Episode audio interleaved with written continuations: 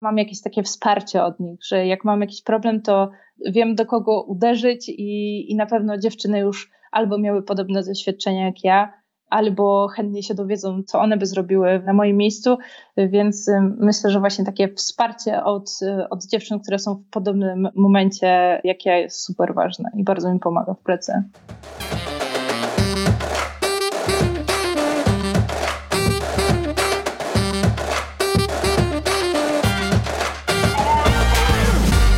Cześć, tu Ania. Zapraszam do Pracowni Dziewczyn. Pracownia Dziewczyn to cotygodniowe rozmowy z dziewczynami i kobietami na temat edukacji. Edukacji tej szkolnej, czasem akademickiej, a już na pewno tej życiowej. Dokąd miała zaprowadzić, a dokąd zaprowadziła. O wyborach, o porażkach, o pracy kobiet, z kobietami i nad sobą. Być może zgodzicie się ze mną, że nie każdy może pozwolić sobie na posiadanie tygrysa. No i pewnie nie każdy też chciałby mieć w domu aż tak dzikiego kota. Ale mój dzisiejszy gość tygrysy rysuje, no i te tygrysy rozchodzą się na pniu. Są na kubkach, talerzach, tackach, gdzie tylko się mieszczą ze swoimi łapami. Tygrysy to jednak nie wszystko. Są też wisienki, borówki, jabłuszka, galaktyki, księżyce, chwasty, kropki, piękne niebieskie marmurki i wiele, wiele więcej na zastawie i przedmiotach użytkowych, trzaskach w skrócie, wykonanych przez Martę. Mowa o Marcie Kachniarz, założycielce warszawskiej pracowni ceramicznej Trzask. Marta studiowała sztukę mediów na Akademii Sztuk Pięknych, a później grafikę. Pewnego dnia trafiła na warsztaty ceramiczne i zdaje się, że na dobre połknęła ceramicznego bakcyla. Dziś jej pracownia ma już ponad 3 lata i zdaje się zupełnie nie zwalniać tempa – Wzbogacona o drugi piec do wypału i parę rąk do pomocy, w tym jej partnera Olka, nie boi się eksperymentować i raz po raz wypuszcza w świat nowe trzaski. Kolczyki, wazony, górki, stożki na pierścionki, a ostatnio i świeczki. Czym jest dla niej jej pracownia? Jak wygląda jej praca na co dzień, poza tym co widoczne w mediach społecznościowych? Czego uczy się prowadząc swój biznes i co mogłaby poradzić innym dziewczynom zafascynowanym ceramiką czy rysunkiem? Tego mam nadzieję dowiedzieć się w przeciągu najbliższej godziny. Marto od Trzasków, Marto Kachniarz, witaj w Pracowni Dziewczyn. Cześć Aniu. Czy to wszystko była prawda? No, prawie prawda. Co tam się stało? Bo ja studiowałam sztukę mediów, a potem zaczęłam studiować grafikę, ale tą grafikę już w połowie rzuciłam dla ceramiki. Więc ukończyłam tylko sztukę mediów, a już potem płynnie przeszłam właściwie do ceramiki. Nie było czasu. Trochę nie było czasu, bo też jakby tą ilustrację i grafikę przyniosłam już na ceramikę tak bezpośrednio, więc nie dublowałam się, tylko przeszłam już tylko do ceramiki. I nie żałujesz, mam wrażenie. Zupełnie nie. Powiedz mi może taki komentarz e, na gorąco na początku. Jak było na targach rzeczy ładnych? Targi były super. To były pierwsze targi tym 2020 roku. Zwykle jest tak, że we wrześniu już jesteśmy po kilku targach, a to, to było pierwsze wydarzenie. I było bardzo dużo osób. Staliśmy na stoisku we trójkę i mieliśmy ręce pełne roboty. Super było zobaczyć tych wszystkich ludzi na żywo, pierwszy raz właściwie, bo pracownię też mamy zamkniętą dla odwiedzających od początku roku. Ja zawsze jestem tak naładowana energią po targach, że poniedziałek po targach zrobiliśmy sobie wolny i teraz już na pełnych obrotach robimy produkcję. Czyli była chwila oddechu? Dosłownie jeden dzień, bo trzeba dalej pracować, ale wystarczył jeden dzień. Co słyszysz często od ludzi właśnie odwiedzających Twoje miejsca na targach? Za każdym razem jestem zdziwiona, że ci ludzie mnie znają. Dużo osób też y, przychodzi. Y, no nie wiem, czy tak nie, nieskromnie powiem, ale tak, że przychodzi punkt 11, zaczynają się targi i dosłownie 11.02 już są przy naszym stoisku i szukają kubków dla siebie, których zwykle brakuje w internecie, a zawsze na targi staramy się przygotować wszystkiego jak najwięcej, więc trzeba się śpieszyć. Pytają się o nowości, oglądają rzeczy, których i dotykają rzeczy, których normalnie nie mogą dotknąć przez internet. I zwykle to są bardzo miłe słowa, więc ja zawsze jestem naładowana energią. Czyli nie mogą się doczekać, aż cię zobaczą i te kubki wezmą w ręce i kupią coś i super. I ja już i tak dużo osób kojarzę, tak, bo, bo zwykle to są klientki, wracają i już mają jakieś kolejne łupy, więc cieszę się bardzo, że powiększają kolekcję. A czujesz, że jakaś taka płynie energia od fanów, że to jest jakaś społeczność, czy fanek, jak mówisz? No, y, większości fanek, ale tak, zdecydowanie. W ogóle napędzają mnie do pracy i co chwilę się pytają, kiedy coś będzie, więc ja nie mogę zwolnić tempa i zrobić sobie wolnego po tych targach, tylko już czuję taką bardzo pozytywną presję, żeby iść dalej, produkować i, i cieszę się, bo po tych targach mam naprawdę puste półki, więc mogę na nowo je uzupełniać i robić nowe rzeczy. No dobrze, ale właśnie ten podcast. Pracownia dziewczyn i chyba jesteś taką chyba jesteś w całym sezonie jedyną dziewczyną zaproszoną, która pracownię swoją w zasadzie ma. Wow. Bo wiesz, no, rozmawiam z różnymi dziewczynami, dziewczynami, które pracują na rzecz na przykład organizacji charytatywnych, czy ilustratorki, ale żeby tak ktoś miał pracownię, to faktycznie jesteś pierwszą dziewczyną. I jakbym tak Cię zapytała, jakim słowem byś opisała swoją pracownię, gdybyś mogła użyć tylko jednego? Czym ona dla Ciebie jest? Albo jaka jest? W pierwszej kolejności chciałam powiedzieć, że jest bałagan w niej bardzo duży. Ale czym dla mnie jest? To jest takie moje miejsce, w którym ja bardzo lubię spędzać czas. Traktuję to jak pracę, ale trochę też nie jak pracę, bo często to jest też takie miejsce, gdzie potrzebuję się zrelaksować i porobić jakieś własne takie projekty tylko dla siebie, to też chętnie tam przyjdę i je zrobię. To jest takie moje bardzo swobodne miejsce, w którym dobrze się czuję. Ale ty nie zaczynałaś e, swojej pracy w tej pracowni, prawda? To jest inne miejsce, nie? Tak, inne miejsce. Tą pracownię mam już półtora roku i to jest moje pierwsze własne miejsce. A wcześniej chodziłam e, na warsztaty do Krzyśka, który ma swoją własną pracownię, i potem tak płynnie zaczęłam podnajmować od niego tą przestrzeń razem z, ze wszystkimi sprzętami, które miał. Więc dzieliłam tą przestrzeń z innymi ludźmi i z osobami, które chodziły tam na warsztaty, a teraz już właśnie mam swoją przestrzeń. No i co ty poczułaś, jak tak weszłaś po raz pierwszy do tego miejsca, które miało być twoją e, pracownią i częścią twojej historii? Nawet się nie spodziewałam, że będę mieć swoją przestrzeń, ale jak pierwszy raz oglądałam lokal, w którym teraz mamy swoją własną pracownię, to było bardzo dziwne przeżycie, bo zdecydowałam się na niego bardzo szybko, ale pracownia znajduje się w budynku Instytutu Chemii Przemysłowej, więc jak w styczniu o godzinie 17 było bardzo ciemno na zewnątrz i wchodziłam do tego budynku, to on wyglądał trochę jak z horroru, bo to były bardzo długie i ciemne korytarze, a sama pracownia to było kiedyś laboratorium chemiczne, więc była wypełniona bardzo dziwnymi sprzętami, probówkami, jakimiś zlewami ale miała ogromne okno, więc widziałam potencjał w nim i miałam nadzieję, że tam będzie bardzo dużo światła za dnia. No i tak się faktycznie okazało. Pomalowaliśmy wszystko na biało i teraz jest nie za duża przestrzeń, ale pełna światła. Powiedziałaś nie za duża, to znaczy rośniecie tak bardzo w siłę, że zaczyna brakować miejsca? Nie za duża, bo tylko 20 metrów i okay. już chyba wykorzystaliśmy absolutnie każdy kąt i też w górę, bo regały rosną w górę. No, mamy perspektywę powiększenia pracowni, ale mam nadzieję, że to jeszcze do końca tego 2020 roku się stanie. No i prowadzisz ten swój biznes od ponad trzech lat, tak? Tak, już y, też y, przygotowując się do podcastu, aż musiałam policzyć, ile. Czyli nasza ile matematyka się zgadza, tak? Ale tak, zgadza się już, już ponad trzy lata. No i właśnie, niedawno podzieliłaś się informacją y, na Instagramie, że pojawił się drugi piec. No i teraz ja jestem kompletnym laikiem i czy to jest szybko? Czy to jest standard w tym e, biznesie, w tej branży? Ciężko mi powiedzieć, bo nie mam takiego porównania z innych pracowni. Dla mnie to jest bardzo szybko, jest jakby z mojej perspektywy, bo ten pierwszy własny piec miałam półtora roku temu i teraz właśnie pojawił się drugi. Z mojej perspektywy to bardzo szybko, ale też y, ta inwestycja też dosyć szybko się zwraca, bo jesteśmy w stanie no, dosłownie dwa razy szybciej produkować wszystkie naczynia, więc jakbym tylko mogła, to jeszcze szybciej bym kupiła ten drugi piec. Był taki gdzieś kiedyś po drodze moment, kiedy myślałaś, że hej, no to wygląda na to, że to się może udać? Właściwie to trochę miałam dwa takie momenty. Pierwszy to przy, przy moim pierwszym zleceniu, które dostałam jeszcze mając pracę na etacie dostałam takie zlecenie, żeby zrobić 50 talerzy do restauracji, kiedy jeszcze dosłownie ledwo się zaczęłam zajmować tą ceramiką. I to w ogóle było niesamowite, bo jak dostałam wypłatę za to zlecenie, to dostałam trochę taką drugą pensję i już tak poczułam, że kurczę, to chyba jest dobra droga, żeby móc zarabiać i, i robić to, co się lubi. Już otwarcie tej własnej pracowni tak y, trochę mi dało takiego kopa. Poczułam, że to już jest moja jedyna praca i teraz muszę się skupić na tym w stu procentach.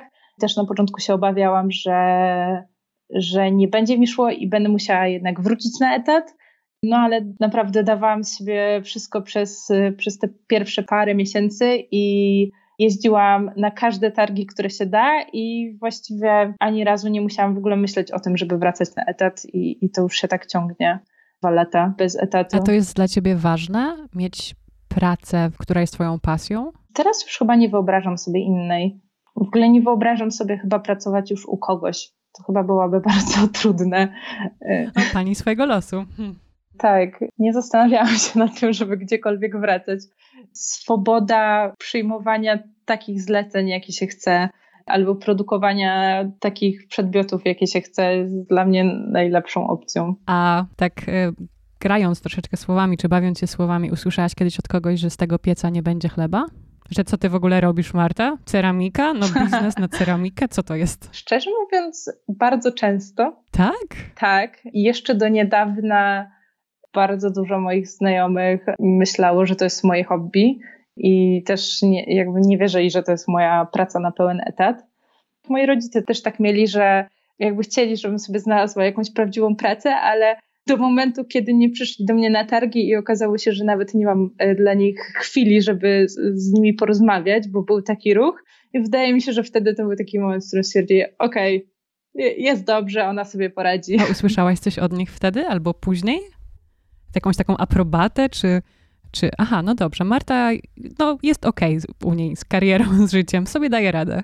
Moi rodzice, oni akceptowali to, że, że robię tą ceramikę, bardzo mi też zależało przede wszystkim, żebym skończyła studia, ale jak się zaczęłam e, zajmować e, ceramiką i też zobaczyli, że mam taki ruch i ludzie faktycznie ode mnie kupują te rzeczy, to wydaje mi się, że oni razem z Olkiem, moim partnerem, najbardziej mnie wspierali, żebym jak najszybciej miała swoje miejsce, kupiła swój własny piec i już tak trochę była na swoim. A jak reagowałaś na te słowa, że właśnie co ty myślisz, że co to jest w ogóle za biznes, że tego tego pieca chleba nie będzie. To do ciebie docierało jakoś? Chyba nie słyszałam w ogóle takich ostrych słów. Bardziej tak miękko wychodziło od ludzi, że na przykład y, przychodzili odwiedzić mnie w pracowni i ja na przykład pracowałam i trochę to trochę jak z tą pracą na przykład na freelance z domu, że wszyscy myślą, że jak pracujesz w domu, to znaczy, że można do ciebie dzwonić i gadać godzinami, ale tak naprawdę przecież ty jesteś w pracy i tylko jakby to ty ustalasz sobie te godziny pracy i one też powinny być znaczy jakby czytelne dla wszystkich wokół ciebie. I ja akurat mam taką pracę, że kiedy robię, na przykład szlifuję albo coś robię rękoma i jestem w stanie na przykład y, sobie porozmawiać ze swoją mamą przez telefon, to faktycznie to robię, ale moi znajomi, moi rodzice jakby znają godziny mojej pracy i raczej, raczej mi nie przeszkadzają w tym czasie. Ale jakby to też było do, do wypracowania, nie, to nie przyszło tak Jasne. automatycznie. A słyszałaś kiedyś, że to takie niekobiece na przykład, co robisz? Albo że ty jako kobieta to nie, może sobie nie poradzisz? Zupełnie nie. Nigdy nie słyszałam tego. I w ogóle ta ceramika i to garncarstwo zwykle kojarzyło się z takim męskim zawodem, ale wydaje mi się, że, że to jest teraz zdecydowanie kobiecy zawód. I na przykład tak jak patrzę, ile osób, jak chodziłam jeszcze na warsztaty, to na warsztaty ceramiczne głównie przychodzą dziewczyny, i też na targach to są zwykle właśnie albo dziewczyny, albo dziewczyny na przykład ze swoimi partnerami. Właściwie nie wiem, z czego to wynika, bo tak jak na przykład przy toczeniu, to no to jest taka praca, no nie chcę, nie chcę mówić tutaj o jakichś stereotypach, ale taka dosyć brudna, męcząca i fizyczna. Chociaż y, można się przy tym bardzo tak odreagować, wyłączyć mózg i, i zrelaksować, więc Myślę, że to są same pozytywy. Czyli medytacja. Medytacja. Medytacja. Ale paznokcie to pewnie te stereotypowe połamane, co? Czy nie? Czy jak to jest? Ja niestety nie mam paznokci. Co to niestety? Możesz mieć jakie chcesz, dziewczyno. Nie no, czy jak przychodzi weekend, to, to maluję. Zdarza mi się, ale często jest tak, że na przykład jeszcze myślałam, przez moment na przykład zakładałam sobie hybrydę, żeby jednak wytrzymała dłużej, ale przy toczeniu to koło jest bezlitosne, ono po prostu zdziera wszystko, każdy kolor i każdą hybrydę więc y, przy toczeniu raczej staram się mieć krótkie paznokcie bez lakieru. Dobra, mamy, mamy koło, mamy toczenie. E, ja też wspomniałam o tym wypalaniu. Ja jestem kompletnym laikiem, ja siedziałam przy, przy kole za kołem garcarskim, jak to się mówi? No, może być tak, przy kole i za kołem. No to tak siedziałam i starałam się coś tam wytoczyć. E, chyba raz w życiu przy okazji jakiejś wycieczki w liceum do skansenu. To, mhm. to było, wiesz, takie doświadczenie. A to jeszcze przy takim kopanym kole? Czy takim elektrycznym? Wydaje mi się, że kopa... nie, nie, kopane to było. Kopane. Wow. Czyli taki old school. Tak. Jakbyś tak miała mnie przeprowadzić krok po kroku, jak faktycznie się na przykład tworzy taki, czy, czy kubek, czy talerz, nie wiem, na, na czym będzie ci też może łatwiej czy wygodniej wyjaśnić poszczególne procesy? Mogę na kubku właściwie opowiedzieć, jak to się tworzy. Bo tak jak mówiłaś o kole garncarskim, jest bardzo dużo metod przy tworzeniu takiego kubka. Można na przykład go wytoczyć z gliny, można go odlać na przykład w formie i wtedy używa się takiej płynnej masy. Można na przykład go tak ręcznie ulepić y, z wałeczków albo z płatów, y, albo w ogóle go uformować w ręku. Ale taka mokra glina, jak już zostanie na przykład wytoczona, no to wtedy tam jest bardzo dużo wody i na przykład ten kubek potrzebuje, w zależności tam od warunków pracowni, na przykład tam 3-4 dni, żeby wysechł. I dopiero taki kubek się szlifuje i wykańcza, zwykle tam na mokro albo jakąś gąbeczką i kłada się go do pieca i wypala na tak zwany biskwit na 900 stopni. Tak jak w przypadku na przykład mojego pieca, ten wypał po na przykład dobie można wyjąć i on jest gotowy do szkliwienia. Taki kubek trzeba umyć i ja na przykład w przypadku tygrysów, no to maluję sobie, maluję sobie takie tygrysy, i potem szkliwię sobie transparentnym szkliwem, żeby on miał ten taki ładny połysk i wstawiam go jeszcze raz do pieca i tym razem na 1230 stopni. Ten kubek się wypala, potem ten piec stygnie i zwykle, ponieważ to jest taka duża temperatura, to trwa to około doby półtorej po tym czasie możemy taki kubek wyjąć z pieca i jest gotowy. Tak cię słucham i też oczywiście podpatrywałam przez ten cały czas przygotowując się do tej rozmowy. Ty lubisz eksperymentować, co? Ja lubię, lubię. Ja się bardzo szybko nudzę i może dlatego mam tak dużo przedmiotów i nie mam jednej, żadnej spójnej kolekcji, tylko wszystkiego jest dużo i zawsze też wszystkiego brakuje, bo zamiast zrobić kilka wzorów w dużych ilościach, to mam bardzo dużo wzorów w małych ilościach. Czy to jest źle? Jak dla mnie to, są, to jest bardzo, to, to są same zalety. Bo ja się nie nudzę, też w ciągu dnia jestem w stanie tak trochę sobie skakać po tych zadaniach, że trochę tutaj poszkliwię, tutaj trochę przykleję uszu, tutaj trochę pomaluję, tutaj sobie trochę potoczę ta praca nie jest w żaden sposób monotonna, tylko cały czas właśnie tak skacze po zadaniach. A jest jakiś taki krok, e, za którym za bardzo nie przepadasz? Dosyć nie przepadam za szlifowaniem, bo to już jest naprawdę takie.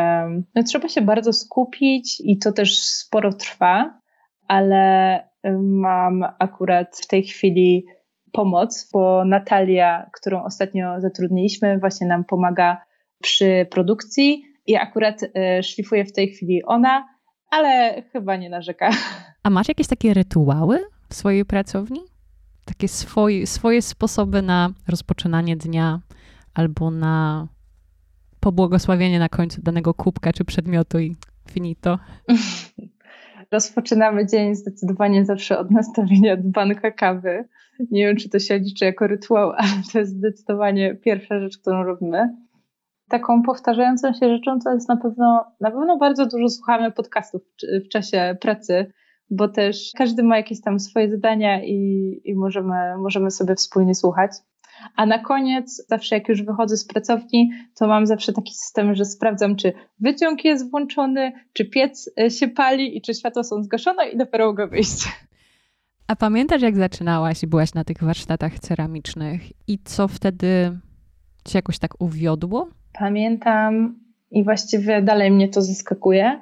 Jak y, tworzę nowy przedmiot, i na początku, jak robiłam to na warsztatach, to korzystam właśnie z różnych mas ceramicznych, z różnych szkliw, i że w momencie, kiedy korzystam z tego i nakładam to na jakieś naczynie, to właściwie dopiero po tygodniu, półtora jestem w stanie zobaczyć w ogóle ten efekt.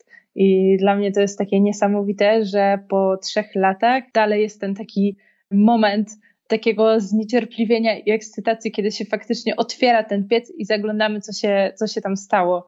Często jest tak, że korzystamy na przykład z tych samych szkliw albo z, z tej samej masy, a tutaj nagle, nie wiem, coś się dziwnie pokrzywiło, coś się dziwnie jakoś tam pofalowało, albo kolor wyszedł jakoś zupełnie inaczej. W tej ceramice jest dużo jakichś takich niespodziewanych elementów za każdym razem i jest zawsze przy tym dużo emocji. No ostatnio trzasło w piecu, co? Trzasło, trzasło. Ja byłam um, zauroczona tym połamanym, przełamanym talerzem i bardzo zgadzałam się z tymi osobami, które komentowały, że one to w zasadzie by chciały taki talerz. No właśnie dla mnie, dla mnie to jest szok, że, że jakby ilość osób, która napisała, że bardzo chętnie kupi taki połamany talerz, była tak duża, że, że chyba, chyba powinnam coś z tym zrobić, albo zrobić jakieś warsztaty na przykład sklejania takich talerzy albo połamanych naczyń złotem bo to myślę, że były super warsztaty. Mogłabyś to połączyć z, wiesz, z łamaniem tych talerzy na początku, żeby ludzie z siebie no, wyrzucili emocje. To by było super. Teraz na, na szybko wymyśliłam te warsztaty, ale nie wyrzucam tych połamanych, tylko odkładam je wszystko w jedno pudło, więc może jak mi się uzbiera dużo, to coś takiego zrobię. Ale nie wiem, coś mi się kojarzy, czy to nie jest jakaś, czy to nie jest japońska sztuka? Tak, tak. Właśnie łączenia... Nazywa, nazywa się to kintsugi. Ja właśnie jeszcze nigdy z tego nie korzystałam, ale też myślałam o tym, żeby się zapisać na takie warsztaty. To musi być bardzo satysfakcjonujące. Nauczyła cię ceramika czegoś? Nauczyło cię to um, garcarstwo, tego oczekiwania czy cierpliwości? Co to będzie, jak właśnie wyciągniesz te e, przedmioty z pieca, albo jaki będzie efekt końcowy? Albo czegoś jeszcze ci może uczy? Mi cały czas brakuje tej cierpliwości, ale i tak już mam jej dużo więcej, odkąd się zajmuję ceramiką niż wcześniej. Myślę, że nauczyła mnie takiego właśnie, że te wszystkie eksperymenty, które godzinami robię i testuję jakieś nowe kolory albo nowe próbki i skrupulatnie je zapisuję, to, to że to nie idzie na marne, tylko że ja mogę sobie przez tą trochę taką zabawę w chemika potem stworzyć jakieś nagle coś nowego i wykorzystać to potem. Że to są trochę takie badania terenowe w ceramice. No to w zasadzie tak, jak mogę wysnuć jakiś wniosek, skoro mówisz, że uciekasz przed nudą i nie chcesz jej i nie lubisz, to w zasadzie ta ceramika ci dostarcza wrażeń cały czas, co? Tak, zdecydowanie. Ja bardzo dużo rysuję. Jakby wydaje mi się, że na, na kartce jeszcze prościej mi jest sobie naszkicować jakieś nowe wzory i kształty i cały czas staram się zrobić coś jeszcze bardziej szalonego, więc mam swój mały zeszycik, w którym y, mam cały czas kształty, które dopiero czekają, żeby je ulepić albo wytoczyć. Chciałam Cię się zapytać, jak pielęgnujesz i jak rozwijasz swoją kreatywność, żeby tych pomysłów Ci nie zabrakło, ale to chyba nie masz problemu z tym, co? Wydaje mi się, że właśnie to rysowanie mi najbardziej pomaga, że jestem tak dosyć szybko w stanie sprawdzić, czy ten przedmiot, który sobie narysuję, wyjdzie też e, fajny, tak naprawdę ulepiony. Ale na przykład jeśli chodzi o dbanie o swoją kreatywność, to ostatnio też wymyśliłam właśnie tak w czasie pandemii taką zabawę na Instagramie i proszę swoich obserwatorów o wpisywanie mi różnych y, ciekawych pomysłów na rysunki. Często te pomysły są absolutnie bardzo szalone. Na przykład ostatnio miałam propozycję narysowania pawia, który jedzie na motorze z kieliszkiem wina w ręku, więc myślę, że takie kreatywne zabawy dostarczają dużo wrażeń mogę się wyżyć. A wracając tak troszeczkę do rozmowy na temat tych warsztatów i pomysłu na sklejanie połamanych talerzy złotem, ty zorganizowałaś kiedyś e, warsztaty i chciałam cię zapytać tak w kontekście nauki i edukacji, nauczania, jakie to było dla ciebie doświadczenie stanąć po drugiej stronie i i może kogoś prowadzić jako tak nauczyciel, czy po prostu organizator warsztatów? Miałam okazję raz jakby zorganizować takie warsztaty razem z Muzeum Polin, malowanie talerzy i właśnie razem z moim partnerem Olkiem byliśmy w roli nauczycieli, bo trochę pełniliśmy taką podwójną rolę. Ja opowiadałam o ceramice i o tym, jak się na niej maluje, ale tematem było jedzenie i Olek jako kucharz opowiadał właśnie o tym jedzeniu. No i muszę przyznać, że to było super doświadczenie patrzeć i opowiadać o ceramice, ale ja nie wiem, czy chyba, czy jestem najlepszą nauczycielką, bo też czuję, że to półtorej godziny na takich warsztatach to jest po prostu bardzo mało, żeby komuś opowiedzieć o tym, jak to się robi. Tak naprawdę można im trochę tym uczestnikom przedstawić dosłownie tam kilka technik. Myślę, że uczestnicy dobrze się bawili, ale jak już bym miała robić takie warsztaty, to chyba takie wielogodzinne albo z jakimś takim dłuższym planem, żeby wszystko opowiedzieć dokładnie. A myślisz, że ile czasu mogłoby zająć komuś faktycznie zdobyć jakiejś takiej umiejętności? To jest mm, kwestia tygodnia, kilku godzin? Ja myślę, że to ciężko powiedzieć. Wszystko jest kwestią praktyki. Myślę, że im dłużej się coś robi, tym lepiej to wychodzi. I, i, i to nie jest tak, że się, że jest taki moment, w którym się, przynajmniej w mojej pracy, że się czegoś nauczyłam, tylko widzę, że z roku na rok jednak te techniki się zmieniają i te niektóre prace wychodzą coraz lepiej i ja coraz bardziej jestem z nich zadowolona. Szczególnie, że staram się zachowywać te swoje starsze prace i kiedy teraz na nie patrzę, to, to czasami mi wstyd, że mogłam zrobić coś takiego. Czy uważasz, że już jesteś takim pro? Proceramiczką? Dalej trudne pytanie. Wydaje mi się, że ja w mojej pracy korzystam tylko z wycinka technik, które się stosuje w ceramice. I wydaje mi się, że te, z których ja korzystam, już opanowałam całkiem dobrze. Okej, okay, ale jest pewność siebie. Jakby wiesz, co robisz. Tak, tak. Zdecydowanie, zdecydowanie teraz y, już się czuję bezpiecznie i, i czuję, że robię to dobrze i nie mam jakby problemów ze sprzedażą swoich prac i czuję, że, że jakby osoby, które kupują moje rzeczy, to po prostu nabywają taki mój dobry produkt, który mogą przez wiele lat mieć w domu i się nim cieszyć. Wspomniałaś o swoim partnerze. Jeżeli mogłabyś powiedzieć kilka słów na temat tego, jak wygląda wasza wspólna praca, no bo są, pewnie ty też znasz jakieś pary wśród znajomych, gdzie dwie osoby po prostu nie potrafią ze sobą współpracować albo nie wiem, przy kolacji na przykład wychodzą stresy z pracy albo jest problem z delegowaniem obowiązków w pracy i tak dalej. Jak to jest u Was? Właściwie mogę powiedzieć, że już kiedyś nawet pracowaliśmy razem w kawiarni i wtedy ta współpraca nasza w jednym miejscu nie, nie była najlepsza, więc troszeczkę się obawiałam tego, chociaż y, to był mój pomysł, żebyśmy pracowali razem. Teraz muszę powiedzieć, że chyba sobie nie wyobrażam, żebyśmy nie pracowali razem, bo tak, tak sobie mm, podzieliliśmy obowiązki, że w ogóle nie wchodzimy sobie w drogę. I myślę, że to jest jakaś taka ważna zasada, którą trzeba wprowadzać, jak się pracuje razem i żyje razem, bo ja się właśnie głównie skupiam na produkcji i na projektowaniu, a Oleg zdecydowanie bardziej się zajmuje właśnie sprzedażą, finansami, wysyłką. Mamy też pracownię, jakby to jest jedno pomieszczenie, więc jesteśmy w nim razem, ale często jest tak, że ja muszę gdzieś pojechać, on gdzieś musi pojechać, więc to nie jest też tak, że spędzamy te 100% czasu ze sobą. Czyli dopełniacie się, powiedziałabyś? Zdecydowanie tak. Ja jestem takim hotheadem, że po prostu wszystko chciałabym zrobić tu i teraz, natychmiast. A Olek jest taki bardzo analityczny, że najpierw przemyśli i potem zrobi to, co trzeba myślę, że, że to uzupełnienie działa. I też fakt, że nie pracujemy w domu, tylko jedziemy do tej pracy i mamy tam stałe godziny pracy, bo pracujemy właśnie teraz od 9 do 17, że te stałe godziny pracy tak trochę nas trzymają w ryzach. Że praca to praca, a potem wracamy do domu.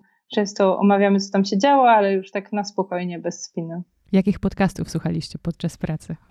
Właśnie, teraz pracujemy we trójkę, więc trzeba dobrać e, takie podcasty, żeby nam się wszystkim dobrze słuchało, bo ja jestem na przykład fanką podcastów kryminalnych i biznesowych, ale ponieważ słuchamy we trójkę, więc trochę mi pozwalają słuchać kryminalnych podcastów wspólnie, ale głównie teraz słuchamy jakichś podcastów bardziej takich filmowych, na przykład właśnie omawianie filmów albo książek. Ostatnio też słuchamy e, podróżniczych podcastów bo tęsknimy za wyjazdami. A nauczyłaś się czegoś od Olka? Olek trzyma w ryzach nasze finanse, więc wydaje mi się, że bez tego trzonu byśmy chyba nie byli prawdziwą firmą.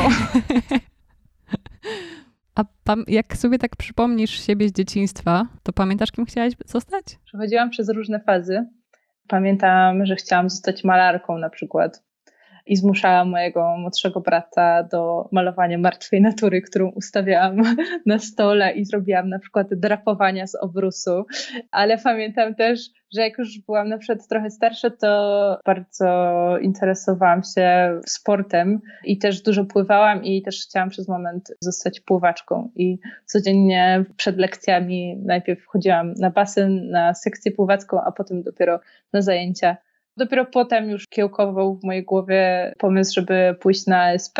Nie za bardzo wiedziałam jeszcze na jaki kierunek, no ale to SP jakoś tak bardzo chodziło mi po głowie. A twoi rodzice mieli na ciebie jakiś pomysł? Moi rodzice nie mieli jakichś takich konkretnych oczekiwań, żebym była, miała jakiś konkretny zawód, ale bardzo chcieli na pewno, żebym skończyła studia. To było takie, taki ważny element, żeby mieć ten papierek, i koniecznie jakby mieć jakąś dobrą pracę. To było dla nich ważne, a jaka to już będzie praca później, to pewnie bardziej sobie wyobrażali jakieś biuro i chodzenie w białej koszuli niż, niż to, co robię teraz. Chociaż teraz są, chyba mogę powiedzieć, że są dumni ze mnie. A czym się zajmują twoi rodzice? Czy zajmowali? Moje rodzice dalej pracują. Moja mama jest pielęgniarką i właściwie to jest jej jedyny zawód, bo ona od 30 lat jest pielęgniarką i dosłownie chyba dwa razy zmieniała tylko szpital, więc ona ma taką bardzo stałą pracę i, i spełnia się w tym. A mój tata prowadzi własną działalność i ma wulkanizację, a dodatkowo co jakiś czas też ma jakieś różne małe biznesiki. Czy ty jesteś w takim miejscu już życiowym czy mentalnym, że jesteś w stanie na przykład zauważyć jakąś taką naukę od nich płynącą, taką jakąś lekcję życiową, coś, co bardzo cenisz, że cię może nauczyli? Pamiętam jedną taką dosyć drastyczną naukę, bo pamiętam, że jak już poszłam na studia i się wyprowadziłam z domu, to jeszcze nie miałam żadnej pracy i jakby moją pracą było studiowanie i moi rodzice wtedy mnie utrzymywali i płacili mi za mieszkanie.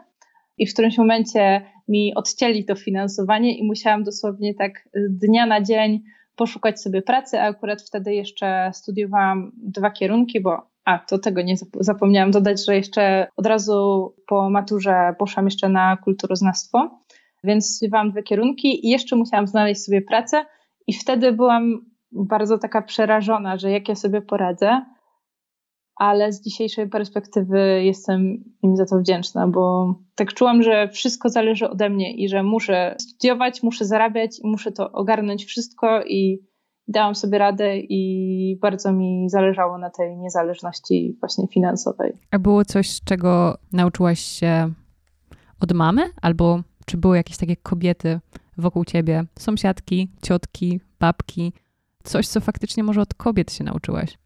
Albo od innych dziewczyn po prostu. Wydaje mi się, że tak w kontekście pracy to od mojej mamy cały czas się uczę, że, że ta praca to, to jest jedna rzecz, ale że potem się wraca do domu i, i jakby te, to życie takie domowe i odpoczynek jest bardzo ważne. I ja się staram tego uczyć i właśnie mieć, mieć te wolne weekendy i dawać sobie tą przestrzeń na odpoczynek. Myślę, że w ogóle wprowadzenie własnego biznesu to jest chyba najtrudniejsza rzecz, żeby pamiętać, żeby odpoczywać, bo ten czas na regenerację sprawia, że ma się potem więcej pomysłów i więcej energii właśnie na tą pracę, jak już się jest w pracowni. A jeśli chodzi o dziewczyny, to mam na przykład kilka takich znajomych, z którymi chodzimy na takie spotkania biznesowe. To są same dziewczyny w moim wieku, które prowadzą różne biznesy i różne od moich, bo to są na przykład ilustratorki, projektantki ubrań, albo na przykład tak jak Kasia, moja sąsiadka z korytarza, robi świece i ma własną markę.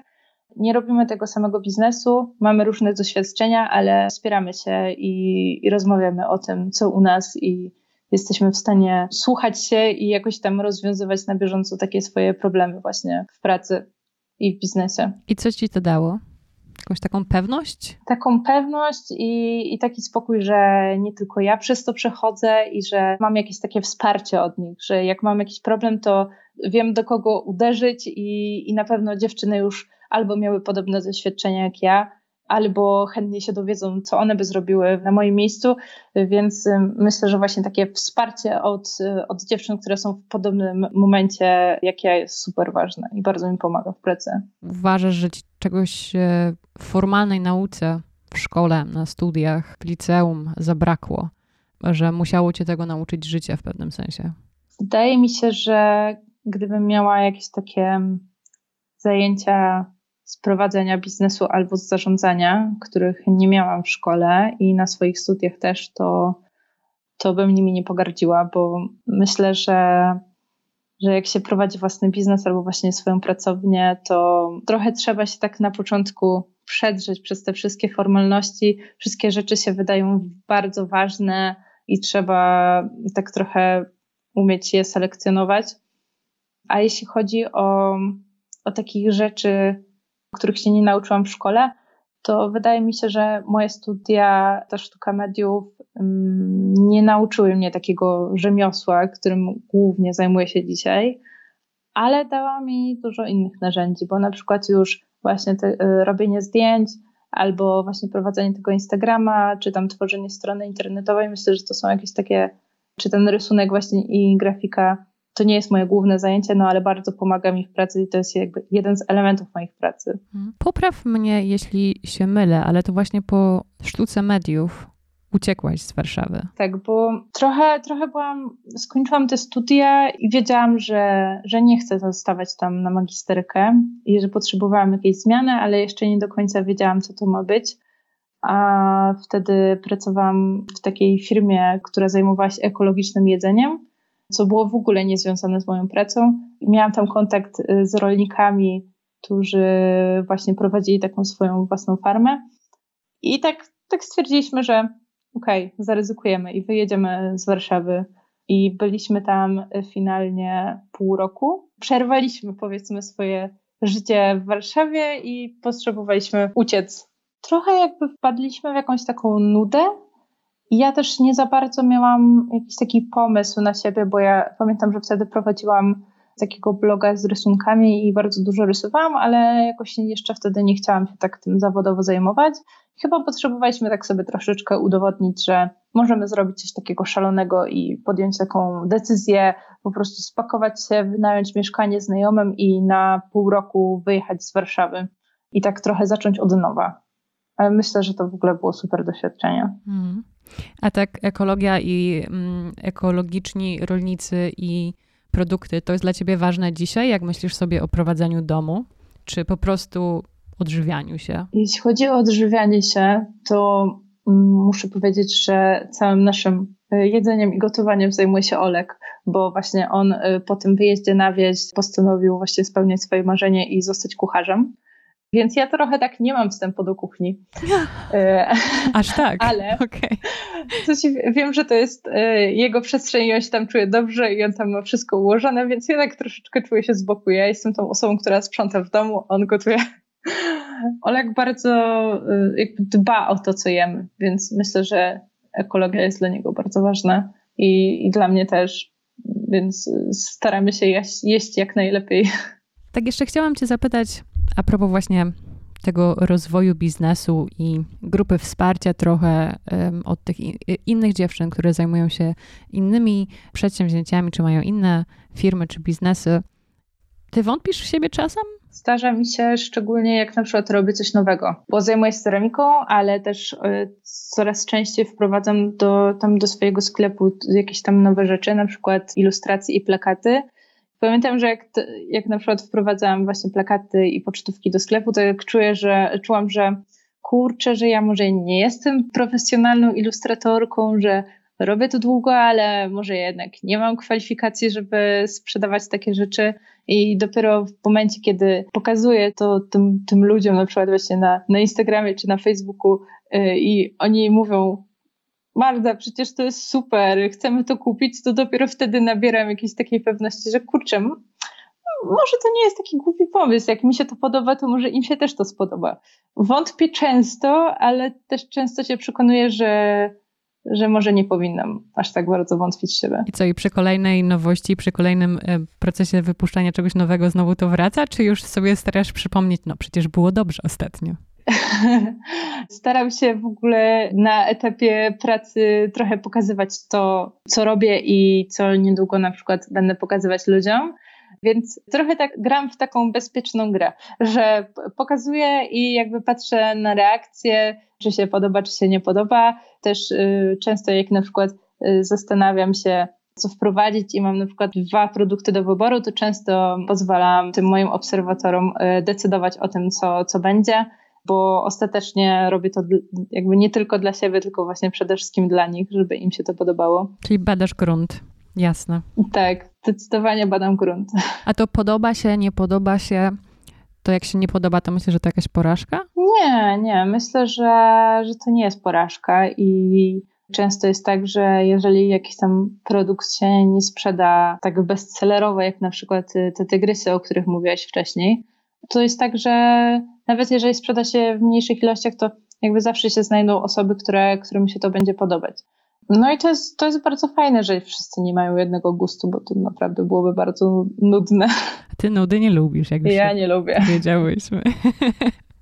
A nauczyłaś się czegoś nowego ostatnio? O sobie albo jakiejś nowej umiejętności? Ostatnio wróciłam do malowania na przykład i trochę mogę uznać to za naukę czegoś nowego, bo bardzo dawno tego nie robiłam, bo dosłownie jeszcze przed studiami, kiedy się przygotowywałam właśnie do zdawania na SP i, i muszę powiedzieć, że to myślałam, że już nigdy nie wrócę do malowania, a jest to bardzo przyjemne i trochę mnie relaksuje. Ale na przykład ostatnio też prowadzałam do sklepu i projektowałam e, naszyjniki. To są może trochę takie małe rzeczy, ale musiałam trochę posiedzieć na YouTubie i pooglądać tutoriali E, jak e, się robi jakieś tam różne pętelki, żeby te naszyjniki były e, gotowe do noszenia. Więc myślę, że ta nauka się nie kończy. Trzeba cały czas szukać nowych rzeczy i uczyć się nowych rzeczy.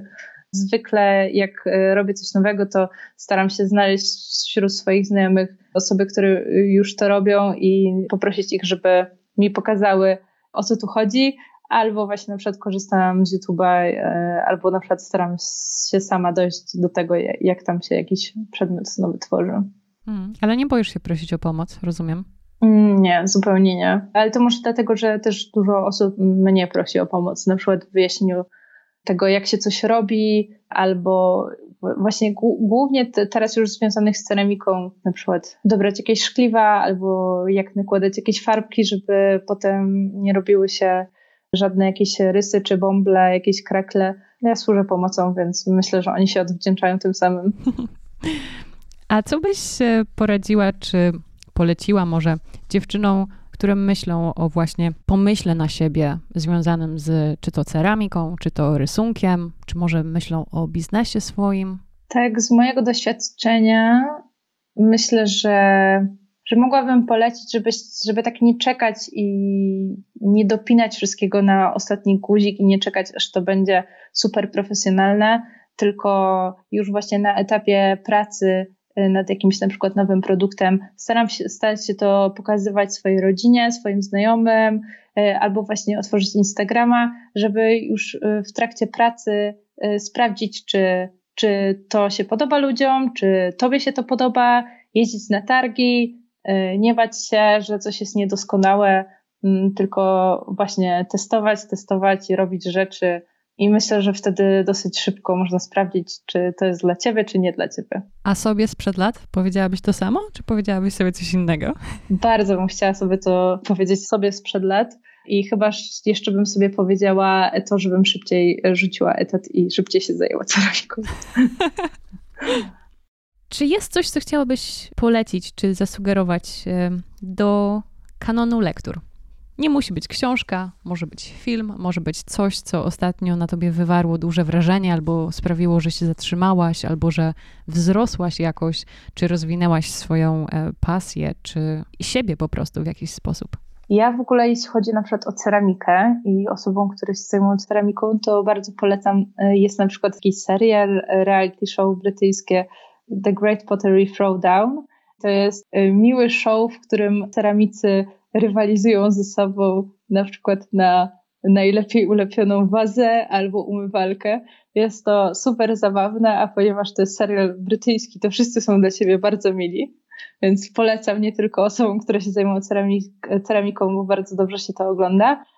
A tak na przykład dla inspiracji, to ja na przykład mm, bardzo często oglądam vlogi y, na YouTubie, na przykład ilustratorek, bo wydaje mi się, że same takie oglądanie czyjejś pracy i właśnie zaglądania do czyjejś pracowni i zobaczenie, jak ktoś sobie na przykład organizuje dzień, szukuje nowe produkty albo właśnie pakuje paczki, jest dla mnie jakieś takie relaksujące i wiem, że inni robią to samo co ja i to jest super, że nie jestem w tym sama. A jak byś tak na koniec oceniła miejsce, w którym jesteś?